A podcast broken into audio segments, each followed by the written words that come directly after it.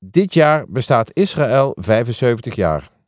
Dit staatkundige Israël, de Medinat Yisrael, is niet zomaar uit de hemel gevallen. Het heeft een voorgeschiedenis van duizenden jaren, van ups en downs.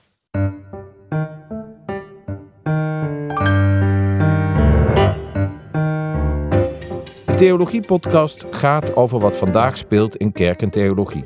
De Theologie-podcast wil delen, inspireren en verdiepen. Piet van Midden is Israëlkenner. Was oprichter van reisbureau Drietour, auteur van Israël en de Palestijnse gebieden, een reisgids, en van Jeruzalem tot Jaffa. En tot 2023 docent Hebreeuws aan de Universiteit van Tilburg. Hij is voorzitter van de Vereniging Hebreeuws en van het OJEC, het overlegorgaan van Joden en Christenen. Welkom Piet, hier in de Theologie Podcast. Ik ga met je praten over je boek Israël, een wereld apart. Een geschiedenis van 3000 jaar op leven en dood. Ik heb het boek hier ook voor mij liggen. En dan zie ik de klaagmuur. Uh, mensen die bij die klaagmuur staan. Ja, wat zie ik verder eigenlijk op die foto? De Olijfberg. De Olijfberg. Daar kijk je op en uh, die zon schijnt in die wolken. Dus het is geen uh, gefakte foto, maar het is helemaal echt. Het is ook een beetje alsof ik een soort vuur zie in die wolken. Ja. Ik zie ook een beetje dreiging. Klopt? Was dat de bedoeling? Was de bedoeling. Dus die is er volop. Helemaal links vind je de Dome of the Rock. Ja. En uh, wat verscholen. Uh, aan de rechterkant zou je dan de Al-Aqsa moskee moeten kunnen zien, maar die staat er nu niet op. Oh, maar, ja, ja, op de andere kant van de, van de flap, daar kun je hem ook nog zien. En, maar maar die, die, die wolk, die, een beetje die oranje wolk met een vuurgloed en die dreiging die daar een beetje uitspreekt. Was, heeft het te maken met het land Israël voor jou? Dat is het een... Ja, ja, het is altijd wat. En uh, het heeft ook een vreselijke geschiedenis, uh, ook een ingewikkelde geschiedenis. En dat is echt een uh, verhaal op leven en dood af en toe. Dus die, die dreiging die uit die wolk spreekt, spreekt mij zeer aan. Israël bestaat, de staat Israël bestaat 75 jaar. Hoe, hoe zit dat nou precies met die oprichtingsdatum? Was het 26 april of 14 mei? Of wanneer is die staat precies gesticht? Een hele mooie vraag.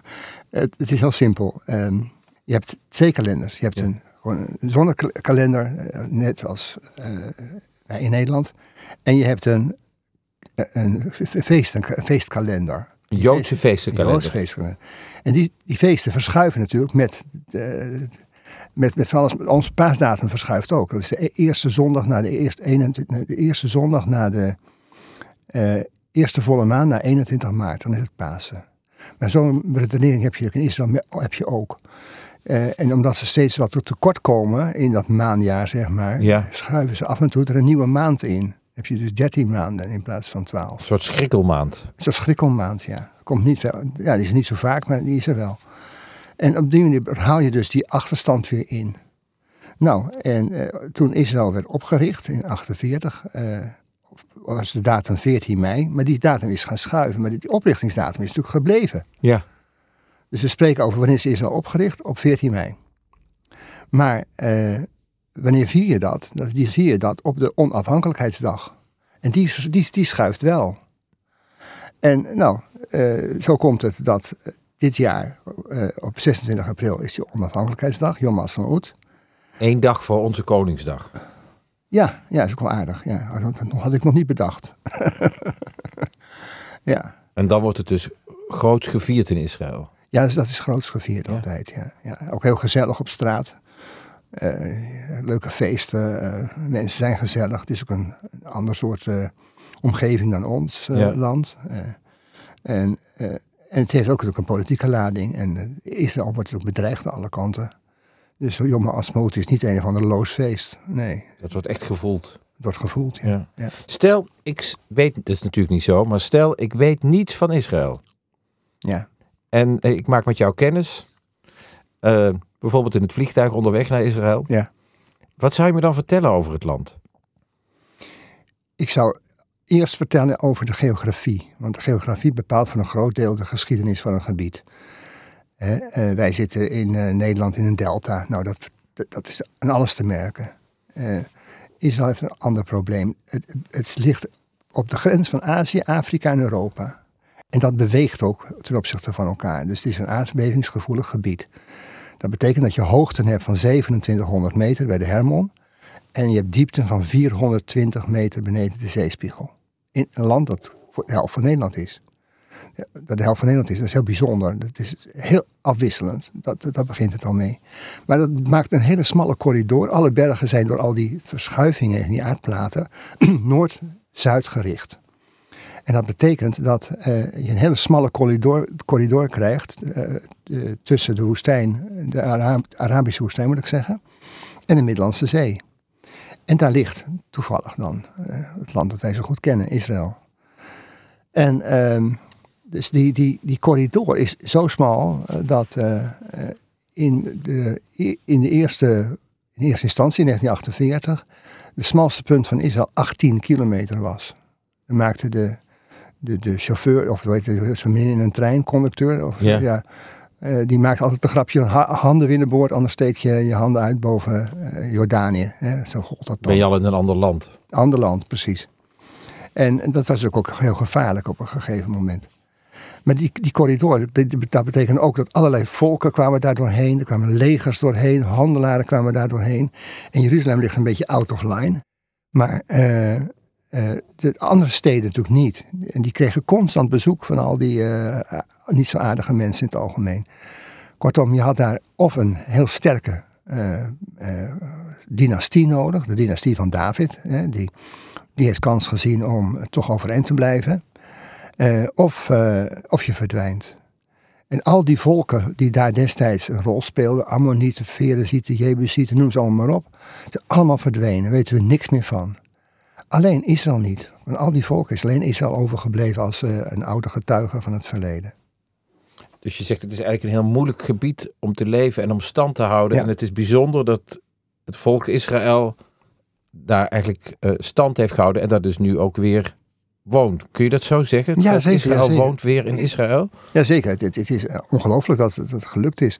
is eh, hoe bestuurlijk ook ingewikkeld. Limburg vinden wij al ingewikkeld omdat het zo lang sliert is. Een vierkantje besturen valt wel mee. Maar zo'n hele lange sliert van noord naar zuid. En dan was die hoogteverschillen en weet ik het allemaal niet. Om dat af te dichten, eh, ja. Uh, dat is ingewikkeld. Uh, die, die, hele grens met Jordanië is een paar honderd kilometer. Die is helemaal afgedicht met een hek. En uh, zelfs een veegpad. Dus elke, ik weet niet, ik denk dat het nog steeds gebeurt. Er rijdt dan zo'n jeep met een grote rol met, nou, hoe heet dat, ja, prikkeldraad of zo.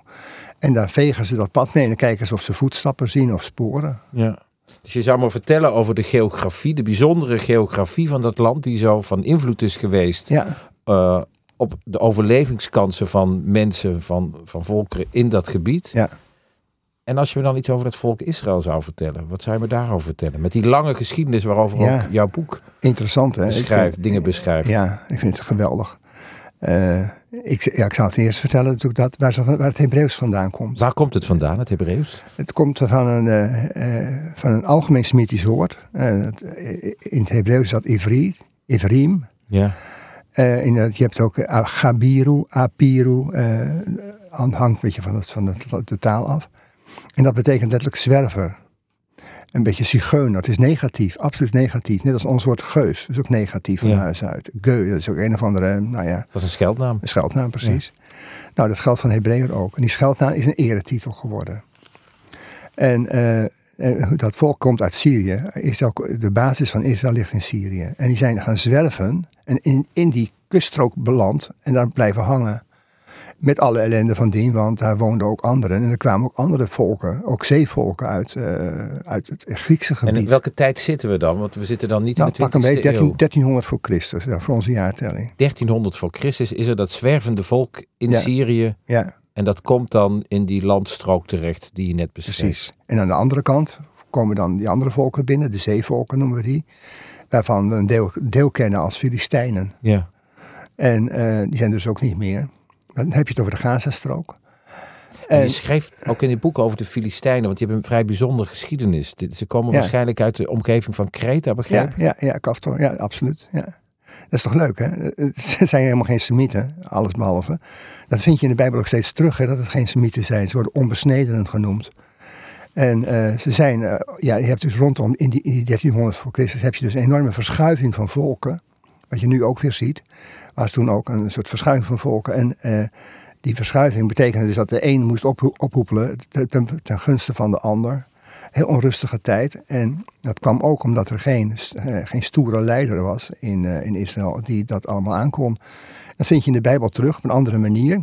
De Bijbel schrijft natuurlijk geen geschiedenis. De Bijbel schrijft, gebruikt de geschiedenis om een verhaal te vertellen. Dat is wat anders. En ehm, die, die, Maakt dat de Bijbel wel tot een betrouwbare bron om die geschiedenis te reconstrueren? Nee, nee, absoluut niet. Nee, nee, nee. Dat is geen betrouwbare bron als het gaat om geschiedenis.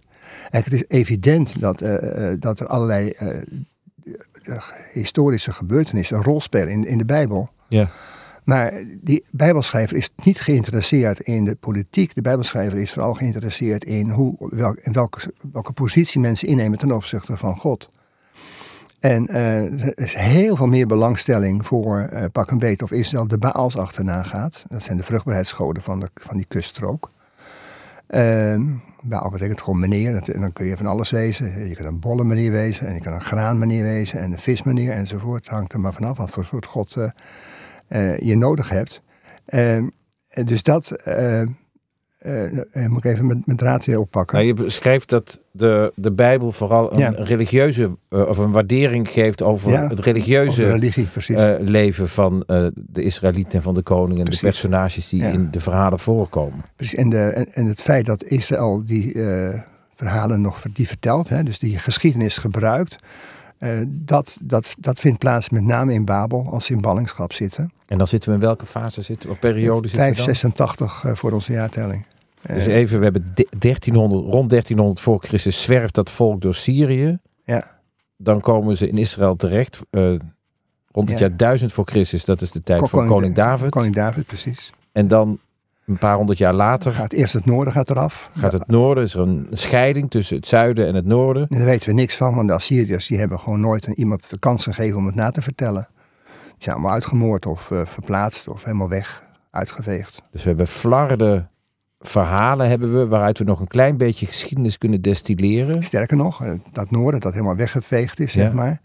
eh, dat heeft natuurlijk ook geschiedenissen gehad. En die geschiedenissen zijn voor een deel, ik zeg het heel voorzichtig, naar het zuiden gekomen. Want die, die Noorderlingen, die konden natuurlijk ook niet weg. Waar moesten ze naartoe? En eh, helemaal nergens. Die zijn gewoon eens afgevoerd. Eh, maar die, een deel daarvan waren Levieten. Dat is een priesterstam. En die hebben geen bezit, geen grondbezit althans. En hun baas zit in Jeruzalem. Mhm. Dus die Levieten zijn met alle verhalen, zijn die naar het zuiden gevlucht. En hebben daar eigenlijk een soort, een deel geweest van een religieuze stad. Want Jeruzalem werd steeds religieuzer. Je kunt ook nu nog steeds de uitbreiding zien van, eh, van rondom 700, van koning Hiskia. Omdat die stad uitpuilde met, eh, met vluchtelingen. En die, die waren voor een deel eh, Levitisch. En dat we zoveel, eh, Bijbel, eh, in de Bijbel zoveel herinneringen hebben, eh, die dan godsdienstig zijn geladen, danken we aan die Levieten. Ja. Leuk hè? Ja. Ja. wanneer is voor jou je liefde voor Israël ontstaan? Door mijn vader, absoluut. Ja, Ja? ja absoluut. Ik had een hele leuke vader. Wat voor man was je vader? Hoe moet ik dat zeggen? Mijn vader was een, een zakelijk gezien heel, heel sterk figuur. Hij had een groot bedrijf opgericht. Maar ehm, eh, emotioneel gezien eh, eh, was hij heel, heel, heel laagdrempelig, heel vriendelijk. En hij ging in, in de jaren 60, toen, dus voor 1967, ging hij met een vriend naar Israël. Dat was destijds echt uniek, niemand deed dat nog. Hij ging met de trein naar Turijn en dan nam hij de boot naar, naar, naar, Piraeus, in Piraeus naar Haifa en zo. En eh, zes weken later kwam hij weer terug met verhalen, verhalen, verhalen. En die verhalen vond ik schitterend, werkelijk waar. En dan ging ik overal spreken in het land. En ik zat op het gymnasium in Amsterdam en eh, eh, ja, ik hoorde al die verhalen aan. Dan ging ik vaak met hem mee op, spreekbeurten, vooral omdat hij ook niet zo handig was met een dia-apparaat. Ja. Daar was hij niet zo'n ster in. Dus je ging mee voor de techniek. Ik ging mee voor de techniek en ook omdat die man, die, die man die was echt, die, die, die sprak op mijn hart. En die sprak ook met zijn hart. En ik heb, een van de eerste dingen die ik gedaan heb, is natuurlijk eh, zelfstandig naar Israël gegaan. En ik heb En hoe oud was je toen? Toen je zelf ging? in mijn studententijd. Ja, En dat was met het vliegtuig, niet met de boot. dat was een vliegtuig, ja. Ik ben ook met de motor een keer geweest. Ja, ja. Met de motor geweest? ja, door, door Turkije of hoe ben je toen? Nee hoor, heel simpel. Heel eenvoudig. het is helemaal niet stoer. Je gaat gewoon, eh, je, je- je- ik heb alles, de, de- gewoon de B-wegen genomen, natuurlijk niet de snelweg. hè. Ja. Dat is, eh, en bovendien was die er in nog een aantal opzichten helemaal niet. Maar eh, je, gaat, je, gaat- gaat eh, v- via Frankrijk, Italië en naar ben- naar beneden, naar Brindisi, eh, steek je over. En dan kom je in Griekenland. En dan door Griekenland rij je naar Piraeus. En dan van Piraeus neem je een boot. Die kun je overal, kon, je toen overal krijgen. Dan zetten ze zo je motorfiets binnen. En dan kon je voor een paar stuivers kon je, varen. En je uiteindelijk kom je dan in Haifa terecht. Ja, En waren die reizen ook eh, eh, de drijfveer achter eh, je, je reisbureau dat je later... eh, nee, nee, begonnen? nee. Nee, ja, wel het enthousiasme natuurlijk. Maar de, ik heb de liefde voor opgevat, dat is duidelijk. Maar nee, ik, ik, ik, ik ben ook predikant. En ik, ik ben- kwam in de Bommelerwaard terecht. Dat was destijds eh 50 jaar terug dichtgeplakt met kranten. En ik ben daar begonnen met, met een soort surfschooltje, zeg maar. En daar binnen de kortste keer groeide dat uit. Dat groeide zo snel dat ik eh, dacht van, hier, ben ik niet geschikt voor. Dus ik, ben, heb een beroep aangenomen naar Driebergen. En dan vond ik een hervormde collega, die was ook redelijk re- reislustig. Pieter de Vries, ik noem zijn naam met ere. Die had eh, heel vaak ruzie met iedereen, geloof ik. Maar niet met mij. Ik eh, kon, wel, kon hem wel aardig aan. En ik heb heel veel van die man geleerd. En hij had een hervormde kampen- en reizenstichting. En toen hebben we samen hebben we, eh drie tour opgericht. En, eh, en met, met nog een vriendin die eh, administratief wat beter onderlegd was dan wij. En dat, binnen het eerste, nog, het eerste jaar zetten we 100.000 gulden om. Het tweede jaar een miljoen. En het derde jaar ging het in diezelfde vaart verder. maar dat waren ook reizen allemaal, zeg maar, richting landen met een bijbelse geschiedenis. Ja, ja. Of, eh, of een geschiedenis van, gewoon een leuke Europese geschiedenis. Dat, je, dat mensen met een boot konden, kon- kon- konden gaan varen daar Ja. of zo. Hoe zeg je dat van die, die Rijncruises? Die hebben we wel veel gedaan. Maar eh, Israël was natuurlijk de main course op de tafel. Dat kon niet anders. Ja. Wat, wat wilde je laten zien van Israël? Eh, ik wil het Bijbelverhaal vertellen. En dan in, in, het, in dat kader. En dan zie je dus dat je ook in de problemen komt. Dat eh, het verwringt. En, eh, Waar wringt het? Eh, nou, ehm, het wringt op sommige plekken in de, in de waardering van wat je ziet. Als je in Jericho komt, dat is een van de oudste steden van de wereld. Ze zeggen zelf de oudste, maar dat is niet zo. Maar het is wel een van de oudste steden. Eh, dan zie je als toerist, als bezoeker, eh, zie je eh, vrijwel niks. Je ziet een toren, een oude toren van, van, van 7000 jaar voor Christus. Maar als je een beetje in het vak zit, en dat zit ik natuurlijk toch, dan In zie- theologische vak. zie je heel veel meer, ja. Zie je heel veel meer dan wat, wat de ge- gewone bezoeker daar ziet. Die, die, ja, die is oude stenen. Ik heb een keer een man mee gehad, die zei, waarom ruimen ze die rommel niet op? Echt waar. En wat zei je dan? Ik zei, nou, dat duurt nog even. Maar wat, wat zag je dan? Want je zegt, eh, de- een leek ziet alleen een toren, maar ik zie heel veel andere dingen. Kun je beschrijven Ja, wat jij dan ziet? Ja, ja, absoluut. En, eh, en ik probeerde dat verhaal te vertellen. Kijk, Jericho ligt voor de ingang naar Jeruzalem. Eh, als je uit Jordanië naar Israël komt en kijkt, dan zie je dus echt een grote bergwand. Nu is er niets aan de hand. Je pakt de auto, je scheurt die berg op. En je moet dus van min, pak een beetje, ligt op min 300, hè, zoiets. En eh, moet je naar plus 800. Dus je moet eh, echt eh fors omhoog. En in de Bijbel kon je die, die bergwand niet zomaar nemen. Dat kon niet.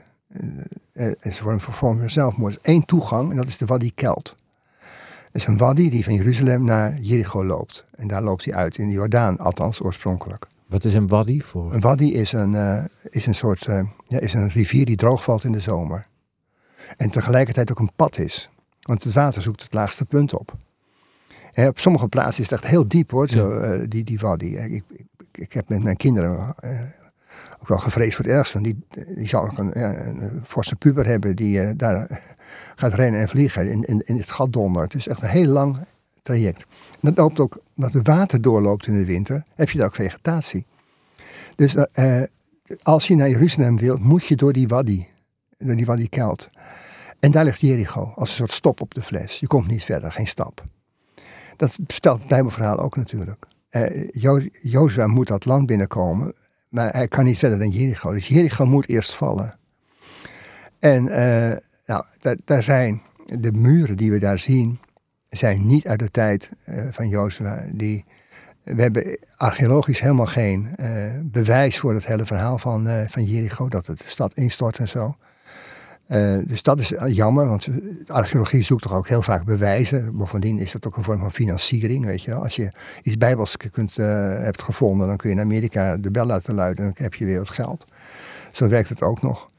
Maar eh, dus dan moet je vertellen, ja, wat je nu ziet is niet het bijbelverhaal, maar ik zal het je bijbelverhaal vertellen en, en dan snap je het wel. En eh, Dus je zegt eigenlijk dat Bijbelverhaal geeft inzicht in eh, eh, dat gebied als je er bent. Dat je Ja, voelt van precies. waarom het bijvoorbeeld hier gewoon een onneembare stad was. je snapt meteen waarom eh Jericho zo belangrijk was. Op het moment dat je daar staat en Ja, dat ja. ziet. precies. En iemand je er even op wijst. Ja. En dan ga je echt waar. Iemand moet je er even op wijzen. Dat, is, dat is mijn rol Die iemand geworden. ben jij dan. Dat ben ik dan, ja. En eh, je, hebt, je staat echt bij een rotswand. eh, en, en het hele verhaal breng je daar tot leven. Israël, eh, en dat is ook, het heeft ook een theologie natuurlijk. En theologie is mega interessant. Want Israël is niet het verwekte volk. Hè. Het is niet zo dat Abraham zei van ik verwek even een kind bij je. Het is eh, met heel veel pijn en moeite. Eh, Israël is het geschonken volk, hè, theologisch. Het land is niet het veroverde land. Ze hebben er eigenlijk niks voor hoeven doen. Want je, zeven keer om die muur heen en alles dondert in. Maar het, het is niet het, ges- eh, het veroverde land, maar het geschonken land. En dan krijg je dus een hele andere ideeën. eh, ook, ook als je Bijbel leest. Want daarover gaat het in de Bijbel nou juist. Ja. Over dat geschonken land. Ja, de geloof die zit te spitten en te graven. Die gaat zijn gang wel. En als jij nu zegt het is het geschonken land, dan maak ik onwillekeurig toch een bruggetje naar deze Ja, tijd. Kun je ook. dat ook Ja. voor de huidige staat Israël zeggen? Is dat het geschonken land? En mag je of kun je die lijn, die bijbelse lijn zo doortrekken Ja. naar het heden? Ik vreesde voor deze vraag. Ja, sorry dat ik Ja. hem stel. ik vind het wel heel leuk hoor. Trouwens, ik, ik heb die vraag natuurlijk mezelf heel vaak gesteld. Eh, ik, eh, ik zit niet in de groep. Je hebt een groep mensen die eh, de staat Israël als een geschenk van God beschouwen. Dat is in de, heel kort na de oorlog, bij de stichting van de staat, is dat eh, ook heel breed ook in de kerken aangehangen. Eh, onder andere door dominee Gravenmeijer, de, eh, de stichter van Nezamim. Nezamim is een Is bijzondere kibbutz, Ja, het is een kibbutz, die, Ja. of eigenlijk een moshaaf. Een moshaaf is een gemeenschap van mensen die allerlei spullen samen gebruiken, maar niet. En kibbutz heb je alles gemeenschap, gemeenschappelijk. Hè? Dat is het idee. En er zijn soorten en maten in hoor. En, kibbutzim hebben natuurlijk in de staatvorming en, in de eerste eeuwen, of eerste tientallen jaren, heel veel bijgedragen aan, aan, aan de staat. ja. Maar nu is het natuurlijk, ja, in, in deze staat, er wonen 9 miljoen mensen ruim. eh, is dat helemaal niet meer zo belangrijk. Nee. Maar nog even terug naar die vraag, naar dat Ja. geschonken land. ja, dat geschonken land. Nou, voor, voor mij, eh, ik, ik, ik zit op twee wegen. Eén, Israël is er dankzij het feit dat de Verenigde Naties daar een, eh een zege aan hebben gegeven. Dat één. Eh, maar voor mij, dus, dus staatkundig gezien moet je zeggen, God het is gewoon een land, klaar. Maar voor mij is het natuurlijk een, een land met een verhaal. En eh, eh, dat verhaal, dat hoort bij dat land. En die Joden die daar wonen, die, voor hen is dat niet de Medinatjescheel, Mhm. eh, maar de, dus de staatkundige eenheid Israël. Maar dat staat op je kaartje, hè, Medinatjescheel. Op je paspoort Medinatjescheel. Maar het is de Eres Israël. En Eres is het woord voor de aarde. Eh, Bereshit bara Elohim et ha-shemayim bet. Ha-aretz, de aarde. Het land. Hetzelfde woord in het Hebreeuws. En dat land heeft een verhaal. En dat verhaal wordt verteld. En ehm, dus elke, naar mijn idee, naar mijn idee zit in elke, eh, er zit heel veel Joden toch een soort DNA, een soort Sionistisch DNA. Mijn eigen vrouw ook, mijn eigen vrouw is Joods. En eh, voor mijn vrouw en voor mijn twee zonen is, de, is Israël toch daardoor een ander land. Het, is, het heeft een andere component nog. Ja. En ehm, eh, daar, daar heb je ook meteen het probleem. Maar als we dan even naar de, de andere bewoners op dit moment van, van Ja. het land Israël gaan, althans eh, waar het conflict in deze tijd over gaat, het conflict eh, met de Palestijnen. Ja, Ook daar is een link met de Bijbelse geschiedenis. In ieder geval dat woord Filistijnen eh, is op die Palestijnen geplakt. Kun je daar iets over vertellen? N- Nou, nee, kijk, de Romeinen hebben het land Palestina genoemd. En zo'n poosje terug natuurlijk. Ja. En dat woord Palestina is gebleven. En de Arabische bewoners eh, hebben, zijn eigenlijk pas Palestijns geworden na 1948. Ik weet nog dat... Wat eh, waren ze daarvoor? Arabieren. Gewoon Arabieren. Kijk, het probleem was... eh, het probleem is aan de orde gekomen natuurlijk in de Eerste Wereldoorlog. Ja. Eh, in 1920. En dan krijg je dat het, het hele Ottomaanse Rijk instort. En dat, dat zat, er- zat vanaf, vanaf Bagdad en Istanbul. Eh, daar was Jeruzalem helemaal niet belangrijk. Totaal niet. Ik denk altijd dat Jeruzalem zo belangrijk was. Maar in Bijbelse tijd ook was het toch een, eh, een, een soort, ja, een- aan de zijlijn ergens. Zo aan de zijlijn dat de, de, de grote koningen er gewoon passeerden. Ze Ja. namen het niet eens in. Ja. En als ze het poogden, dan lukte het toch niet direct. Dus dan hadden ze, dat ging niet. En het Ottomaanse Rijk is dus ingestort. Toen kwam dus dat hele, die hele, dat hele gebied kwam vrij. En ontstaat er een vorm van landjepik. En zo ontstaan al die landen, allemaal vanaf 1948.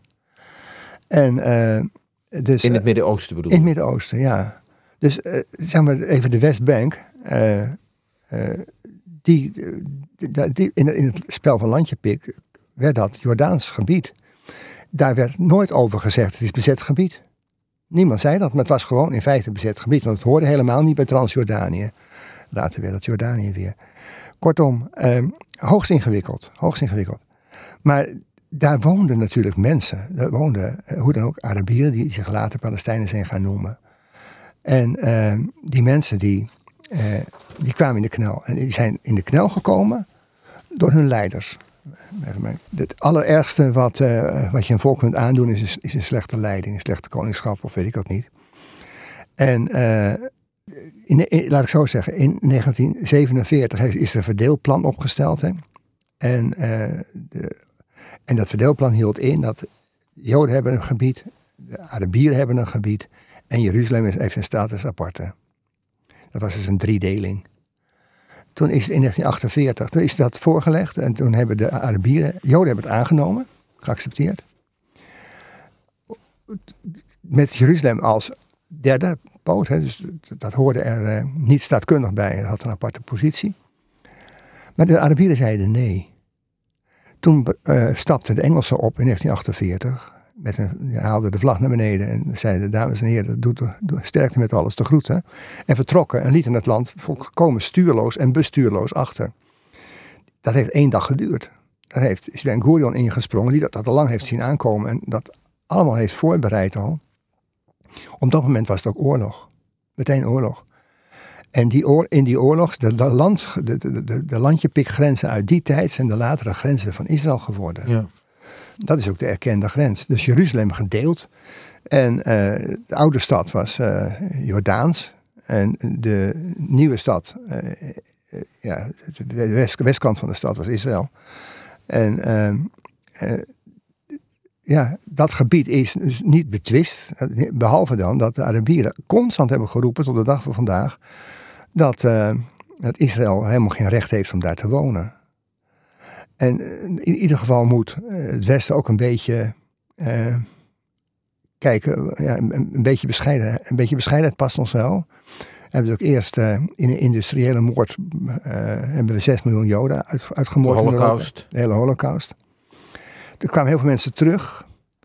En daar moesten we wat mee, vonden wij. En zij wilden naar, naar, naar Sion. En toen hebben we gewoon, ook, ook zo- zonder al te veel gesprek met de Arabieren, denk ik, hebben wij eh, die beweging gestimuleerd. En je zegt ons past bescheidenheid, het Westen. eh, Bescheidenheid ten aanzien van wat? Bescheidenheid ten aanzien van het Joodse volk.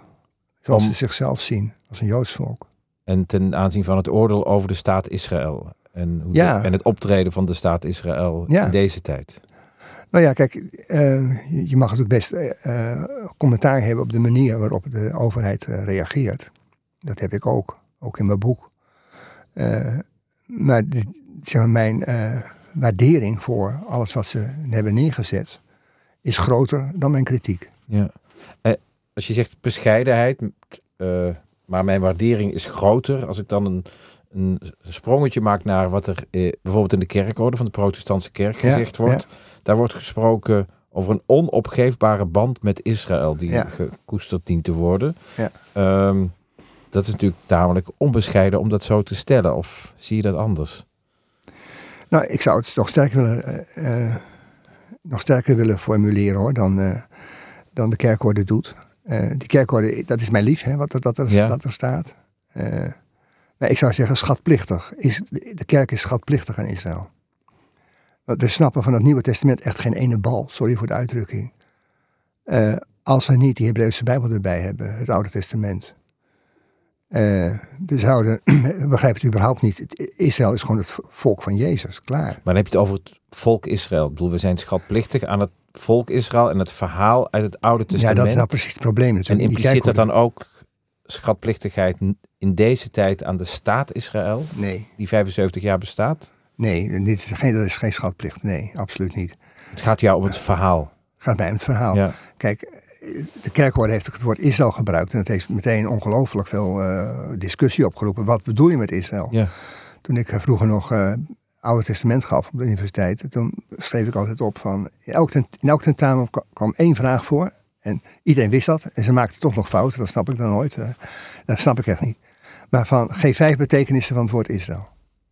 Nou ja, meestal kwam niet verder dan drie, toch. Ik denk van, heb daar niet nagedacht, hoe zit het nou toch? Maar dus Wat, dit is heel veel Welke betekenissen zijn er? Je hebt het land Israël. Je hebt het land Israël, je hebt de staat Israël, je hebt het koninkrijk Israël uit, uit uh, de geschiedenis van uh, Samaria. Israël is de aartsvader, Jacob heet Israël. Dus dat is helemaal niet zo moeilijk om het op te schrijven. Maar ja, alles. Alleen je moet dus wel. de eerste vraag is: wat bedoel je als je Israël zegt? Dat bedoel je precies. Dat is een goede vraag. Ja. ja. Wat bedoel je dan? Nou ja, dan, als ik, ik, ik, eh, ik, voel mij verbonden met het Jodendom. Schat, we, zijn, we zijn schatplichtig aan het Jodendom. Ja, en je zegt ook in het Nederlands Dagblad. Uh, onopgeefbaar verbonden met het Jodendom, daar zou ik wel mee kunnen leven. Dus je zegt eigenlijk vervang dat woord Israël door het woordje Jodendom. En dan wordt het helderder wat je ermee bedoelt? Uh, ja, ik vind, ik, ik, vind, ik vind van wel. Ik vind van wel. Ja, absoluut. In het Jodendom zit ook het volk. Waarom? Omdat, en dat is ook het, een van de ingewikkelde dingen. Als je Joods bent, uh, het heeft een uh, godsdienstige component. En het heeft ook een etnische component. Want je bent Joods als je uit een Joodse moeder bent geboren. Ja. Mijn jongens die, die bezoeken de synagoge nauwelijks. Maar ze zijn wel Joods. Ja. En, uh, en Peter, mijn vrouw, is ook Joods. Ja. We hebben dus een leuk gezin.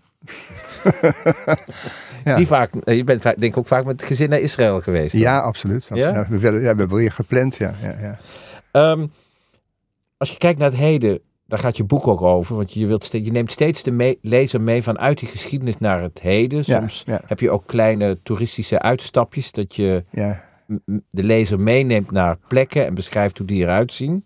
Beetje leuk gewoon. Ja, nou ja, het geeft een heel uh, prettig inkijkje in zowel uh, het huidige Israël als de achtergrond uh, van dat land en de geschiedenis ervan, inclusief die lange, ingewikkelde Bijbelse geschiedenis. Maar als je dan weer naar het heden gaat, is er volgens jou ooit uitzicht op een goed functionerende samenleving, waarin oh, ja. Palestijnen en, en, en Joden, moslims en christenen in vrede kunnen leven? Want die geschiedenis van dat gebied is natuurlijk heel ingewikkeld. Het zijn ook breuklijnen van religies, van islam, jodendom, christendom.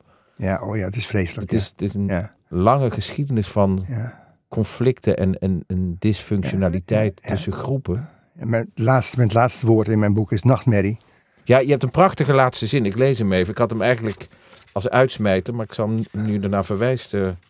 Je zegt... Ehm, de Palestijnen kunnen hun problemen niet intern oplossen, ook niet met de Verenigde Naties. Dat moet in de regio gebeuren en daarbij geldt voor alle partijen een welgemeende vorm van eigenbelang.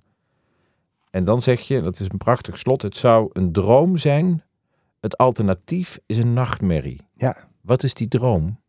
Die droom is dat daar al die landen op een of andere manier gewoon tot bezinning komen en denken dat oorlog voeren en uh, nog meer wapens in de regio, met name kernwapens, alleen maar destructief uh, kan, kan, kan, eindigen. Maar je zegt al die landen, bedoel je dan ook de staat Israël? Ja, absoluut. De staat Israël, maar ook, uh, kijk, neem dan Libanon. Dat is op dit moment één grote puinhoop. Ik ben er kort geleden nog geweest, maar het is echt ongelooflijk. een enorme verschil tussen rijk en arm. Daar zit Hezbollah zit er volop in. Uh, en er zijn er weer groepen die onder Hezbollah zijn weggeslopen en weer apart opereren. Dat is Libanon. Uh, dan heb je Egypte, dus ook een dictatuur van hier tot Gunter. Je hebt Jordanië, daar mag je ook niet zomaar even zeggen wat je roept. Het is een prettig land trouwens, Jordanië. Ik heb ook een boek over Jordanië geschreven en dan moet het nodig eens herschrijven. Het is echt een interessant, interessant gebied. Maar uh, Syrië net zo natuurlijk. We kunnen onze hulpgelden niet eens kwijt in Syrië, omdat er eh, oorlogsproblemen nog. Dus jouw droom voor Israël geldt eigenlijk dat hele gebied? Je het geldt voor het gebied, dat, De problemen in het Midden-Oosten zijn zo verweven met elkaar. Ja. Dus daar zit ergens de oplossing, ook voor Israël. En tien jaar terug zeiden we dan, van nou dat uh, kan helemaal niet. Maar nu is het zo dat je uh, gewoon, je kan op de koffie in Qatar je kan kosher eten in sommige Arabische landen. In de, in de, Emiraten kun je kosher eten. Nou, dat hadden we toch nooit kunnen denken. Vijf jaar terug, als je mij gevraagd had, had ik naar voorhoofd gewezen. Maar het is zo. Tegelijkertijd staat dat nu weer onder druk. Met de nieuwe regering. Want daar word je ook niet altijd vrolijk van. Maak je eh, daar zorgen over? Ja, heel erg veel. Ja, wat een bijzonder baart je zorgen? Uh, wat, het theocratisch gevaar. En wat bedoel je daarmee? Theocratisch gevaar, daar bedoel ik mee dat uh, wij de, de, manier van doen en optreden, de, hoe we de maatschappij inrichten, uh, dat doen uh, naar de richtlijnen, de orthodoxe richtlijnen van de Torah. Dus je zegt, enerzijds zou het mooi zijn als de kerken verbonden zijn met het Jodendom en tegelijkertijd zeg je, het theocratisch gevaar is een verbinding met dat Jodendom en de staat Israël waarbij dat uit de hand loopt. Ja, kijk, in Nederland hebben we het ook. Hè. We hebben in Nederland hebben we in de kerk, in de, in de protestantse kerk, eh, artikel 37 of zo, eh, of 36, ik weet niet eens. Maar er staat dat het de taak is van de overheid met haar politie te waken over de heilige kerkdienst. Daar, daar eh, eh, zeggen wij in de kerk dan ja tegen. Dat is dan een, een, offer geweest. Het is er ook uit geweest een tijdje. In feite zeg je daarmee van de, de taak van de overheid is om over de kerk te waken en uh, die kerk in bescherming te nemen en zo. Die bescherming heeft de kerk helemaal niet nodig, want die kerk is geen staatkundig uh, toestand. Dat heb je in Israël natuurlijk ook. In Israël heb je, uh, zijn er ook stemmen op dit moment. en die zijn altijd geweest, die stemmen, alleen nu hoor je ze pas. en komen ze luid aan de orde. Uh, om uh, uh, bijvoorbeeld te verbieden dat vrouwen voor in de bus zitten. Die moeten achterin zitten. Of aparte bussen voor vrouwen. Nou, dat doet je toch echt denken aan de, de, ergste vormen van de islam. Ja. en, en, en, maar ook de hele, de hele structuur natuurlijk. De, de, de, het bestuur van het land zou dan in feite natuurlijk een godsdienstig bestuur worden. Dan zit je dus inderdaad aan de Ayatollahs te denken. Dus ik, ik die komen bij mij bovendrijven. Dus ik, uh, ik ben wel heel blij dat er ergens Israël een grote broer heeft in Amerika. Waar de allerergste uitwassen in ieder geval uh, bestreden worden, heel effectief bestreden worden. Maar het is wel interessant, want je zegt eigenlijk twee dingen. Je zegt enerzijds uh, is er die verbinding van de staat Israël met dat religieuze verhaal. En tegelijkertijd zeg je, die dat religieuze verhaal, of nog preciezer die religieuze praxis, als die uh, zijn wil gaat opleggen aan de samenleving, dat theocratisch gevaar, ja. dan loopt de vrede ook gevaar. Ja, want eh, het grootste probleem voor Israël is staatkundig en zo altijd geweest de interne problematiek, niet de externe. Ja. Uh, neem dat boek Richter, dat geeft daar een heel mooi voorbeeld van. Hè? Dat is dan wel een, een theologisch boek natuurlijk. Ja. Maar al die stammen zijn met elkaar in strijd. Ja. Wat, historisch gezien, dat is toch men het algemeen over eens is het koning David zijn verdienste is dat hij al die stammen samen heeft gebracht. Ja. En dat deed hij met ijzeren hand hoor. Zoals generaal Tito is dat geweest, die koning David. Maar hij wordt er wel later uitvoerig om geprezen, omdat uh, die, die ijzeren hand uh, ja, is soms gewoon heel erg nodig. Anders moorden ze elkaar uit. De Israëlieten hebben ook bijna kans gezien om de stam Benjamin uit te moorden. Hadden zelfs afgesproken, niemand levert ooit meer een, uh, een vrouw af in Benjamin, dan sterven ze vanzelf uit. Hè? Maar zeg je nu dat die regeringsvorm op deze tijd van toepassing is? Of wat bedoel je daar precies mee? Nee, wat ik daarmee bedoel te zeggen is dat eh, ook, ook, in het verleden de, de, de, de, problemen waar Israël voor staat, is om, uh, uh, om één echt volk te zijn. Eh, je moet je voorstellen dat die, die Joden zelf, dat, dat is al een, een, groep hier en een groep daar, hebben natuurlijk in, uh, uh, Afrikaanse groep, een Afrikaanse groep, maar voor de rest heb je twee heel grote groepen. De Askenazim, Askenazische Joden, die zitten in Duitsland en uh, Rusland en Oost-Europa, zeg maar. En je hebt de, de Sephardim, de Sephardische Joden, die komen van oorsprong uit Spaanse, Spa Spanje, Portugal. En die zijn via Antwerpen en zo in Nederland ook beland. En dat zijn twee to totaal verschillende groepen, maar ze hebben wel dezelfde liturgie. Dus als jij een Safadische synagoge hebt ergens in Zuid-Afrika en, uh, en je hebt eentje in Amsterdam, dan zul je zien dat die liturgie vrijwel hetzelfde is. Dus je zegt het is een divers, er is diversiteit binnen het Jodendom waar je gewoon mee te maken hebt. Precies, en die lang niet altijd makkelijk is. Ja, en daar heb je toe te verhouden. Precies. Israël bestaat 75 jaar. Ja. Tot slot, uh, ik geef je een aanzichtkaart en je mag de staat Israël een, een wens sturen. ik zou in elk geval Mazel Tov uh, opschrijven. Mazel Tov. Mazel Tov, ja, gefeliciteerd. Ik vind het echt een felicitatie waard om uh, met niets te beginnen en dan in 75 jaar deze staat op te bouwen met onvoorstelbaar veel uh, razend knappe techniek. Dus als je, de hele cyberwereld is Israël zeer, zeer ver vooruit. En ik vind het ook heel knap dat ze op dit kleine stukje land met zoveel miljoen mensen toch nog een vorm van samenleving hebben uh, hoewel die onder druk staat. En ik hoop van harte, dat hoop ik vooral, dat is een soort wens, dat, uh, uh, dat ze elkaar zullen blijven vinden. En daarom is het nog niet zo gek, klinkt nou heel gek, dat die Arabieren zoveel druk op de ketel zetten. Want der Feind macht uns zum volk, zei ja. Herzl ooit. En als je dan in een veilige setting ook een kritisch nootje zou mogen kraken, wat zou je dan zeggen? Als je de regering van Israël zou spreken? Zou ik zeggen dat een, een ja, ik, ik vind ze mild arrogant. En uh, die regering. Dan zou ik, ja, ik, ik vind ze, deze regering vind ik te arrogant. Ja. En uh, je zou ik zeggen van dat zou je ook anders kunnen doen allemaal. Ik denk trouwens dat als je bepaalde mensen bepaalde functies uh, anders zou instrueren, weet ik het niet, dat je dan toch een andere samenleving krijgt. Dat begint, dat begint al bij de juffrouw die je visum aanreikt dat, die kan ook gewoon vriendelijk zijn, snap je? Ja. Wees wat vriendelijk. En de Palestijnen, wat zou je hen wensen? Andere leiders. Ja, absoluut. Andere leiders. De, de, deze leiders die verrijken zichzelf. Ja. Je hebt echt, ik, ik, ik, kan je eh, huizen laten zien daarvan. Die stom verbaasd. In, in the middle of nowhere. In het midden in de woestijn. Met groene lakens uh, van, uh, van, van grasvelden eromheen. En dat, dat, hou je niet van mogelijk. Mag ik je bedanken voor dit gesprek? Ja, uh, je boek Israël, een wereld apart, een geschiedenis van 3000 jaar op leven en dood. Neemt de lezer mee. En hopelijk ook de luisteraar die dit boek gaat lezen. Ja, precies. Uh, naar het land Israël, naar de geschiedenis en bijzondere plekken daarvan. Ja, dankjewel voor het gesprek. Ik vond de vragen zeer raak. Ja, ja, ja, Graag gedaan. Oké. Wil je meer lezen over de boeiende geschiedenis van 3000 jaar Israël? Ga dan naar de themapagina theologie.nl Israël. Op deze pagina hebben we een groot aantal actuele artikelen over dit thema bij elkaar geplaatst. Wist je dat deze podcast onderdeel is van het platform theologie.nl?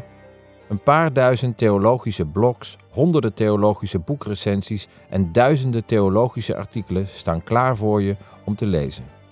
Als luisteraar hebben we een leuk aanbod voor je. Lees alles op theologie.nl één maand gratis. Ga naar de site en kies lid worden. Gebruik de code podcast met hoofdletters tijdens je bestelling. Tot ziens op theologie.nl.